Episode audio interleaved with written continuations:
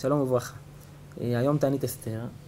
למעשה תענית אסתר זה צום שלא מוזכר אה, לא בפסוקים וגם לא בגמרא בכלל, אין לו שום זכר, להפך כמעט במגילת תענית יום י"ג באדר זה יום שמחה, זה נקרא יום ניקנור, זה היום שיהודה המכבי ניצח את ניקנור וזה יום חג וגם זה יום שאסור להתענות בו כדרכ... כדינם של ימים טובים, שאם ביום י"ד יש יום טוב אז גם היום שלפני והיום שאחרי אסור להתענות, בזה יש מחלוקת ובפורים נפסק שמותר, אבל באופן אה, עקרוני, בתלמוד זה לא מופיע כיום אה, של תענית.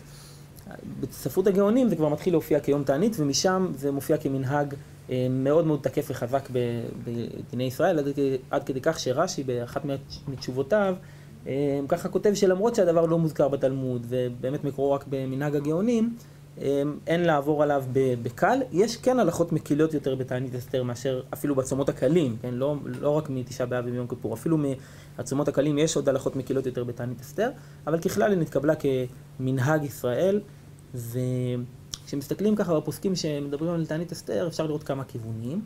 שני כיוונים מרכזיים כנגד מה נתקנה התענית, אחד מדבר על התענית של אה, בני ישראל בזמן שאסתר הייתה צריכה להיכנס אל המלך, כן, מרדכי ובעצם אה, כל העם, וגם אסתר ונערותיה, צמות שלושה ימים לפני שאסתר באה אל המלך. הקושי עם ההסבר הזה, שהראשונים שמסבירים אותו גם עומדים עליו, שהתענית הזאת בפשטות, לפי חז"ל ולפי הפשט, הייתה בניסן, ולא באדר, היא גם הייתה שלושה ימים, והתענית אסתר יום אחד, יש, ישנו איזה חוסר סימטריה בין התעניות הללו.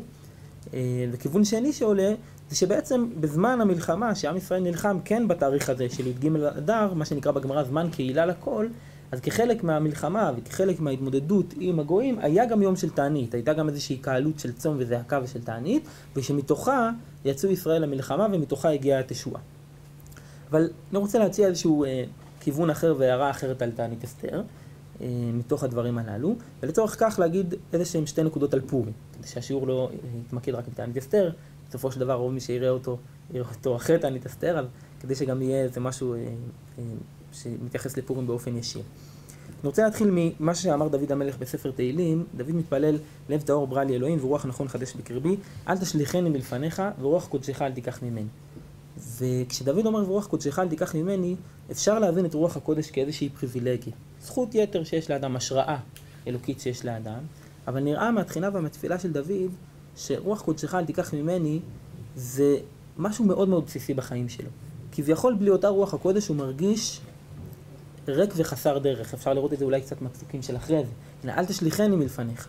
אין ורוח קודשך אל תיקח ממני, אשיבה לי ששון אישך ורוח נדיבה תשמחני.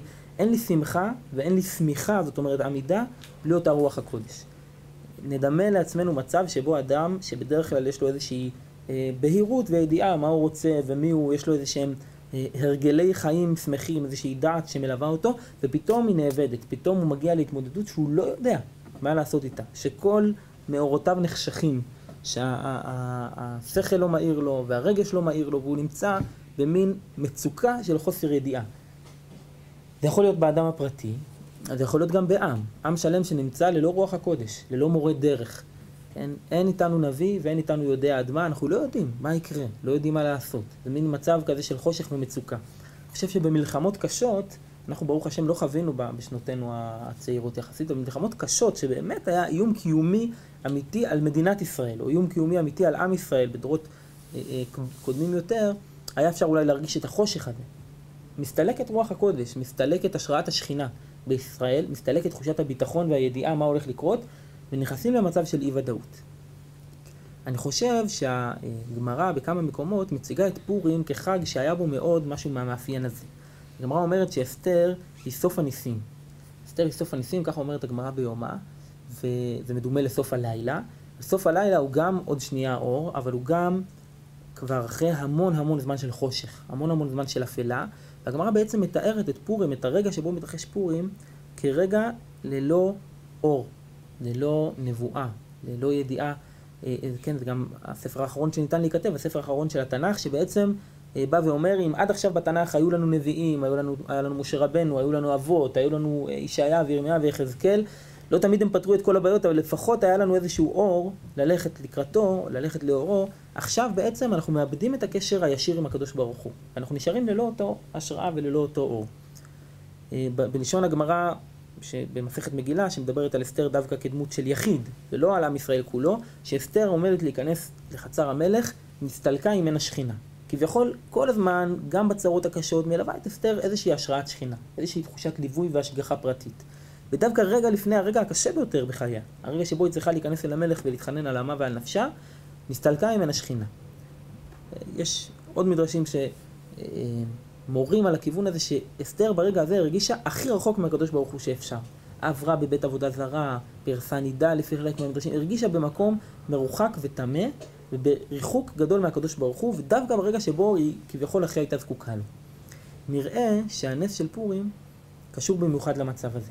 קשור במיוחד למצב שבו מסתלקים המאורות, שבו באמת מגיע איזשהו חושך במציאות, זה קשור כמובן גם לתקופה הזאת, אנחנו נמצאים גם מבחינת השנה בתקופה שהיא סוף הלילה. סוף הלילה, עוד רגע אולי יתחיל לבקוע השחר ונראה כבר את האביב ואת ניסן, אבל עכשיו אנחנו נמצאים כבר אחרי חודשי חורף ארוכים, השנה קצת פחות, אבל בדרך כלל, או במצב מתוקן, אחרי חודשי חורף ארוכים, חשוכים וגשומים, ולא נראה אור באופק, לא נראה אה, בהירות באופק, לא נראה, לא רואים את האופק בכלל, כן? שקועים בקשיי ההישרדות והמצוקה של הכאן והעכשיו, ודווקא ברגע, ברגע הזה מגיעה גאולה, והיא מגיעה בדרך של ונהפוך הוא. של פתאום כל החושך הזה, כל חוסר הידיעה הזאת, כל המצוקה והסיבוך ותחושת חוסר הידיעה, הופכים בבת אחת לגאולה. נהיים, נהיים בעצמם גאולה. אפשר לקרוא לזה גילוי הכוח העצמי שקיים בעם ישראל, לא מכוח הקשר שלו עם הקדוש ברוך הוא, לא מכוח הנביאים שבאים ומאירים את דרכו, אלא מכוח הכוח של העם פשוט עצמו. או אם נדבר על היחיד, לא מכוח השכל שמאיר לו המחשבות, התקוות, הדברים שבדרך כלל מלווים אותו ומכוונים את חייו, אלא דווקא כשהם רגע נאבדים ואדם מרגיש נסתלקה ממנו שכינה, אדם מרגיש נסתלקה ממנו רוח הקודש, דווקא שם יכול להתעורר ולהתגלות איזשהו כוח עצמי של האדם שמאיר את דרכו ומאיר את חייו. זה מה שעשתה אסתר. אני חושב שרבי יוסף קארו במגיד מישרים, בספר שלו, אה, כותב על תענית אסתר. הוא כותב שם, מסביר שתענית אסתר היא הכנה לפורים. בניגוד להסברים שראינו קודם בראשונים, הוא מסביר שזה הכנה לפורים במובן שקשור לאופי השמחה של פורים. בפורים יש איזו הותרה רצועה, שותים יין, שמחים, יש איזו התפרצות גדולה של שמחה עצמית, של שמחה שגם הגבולות החיצוניים שבדרך כלל קיימים אצלנו קצת נפרצים בה.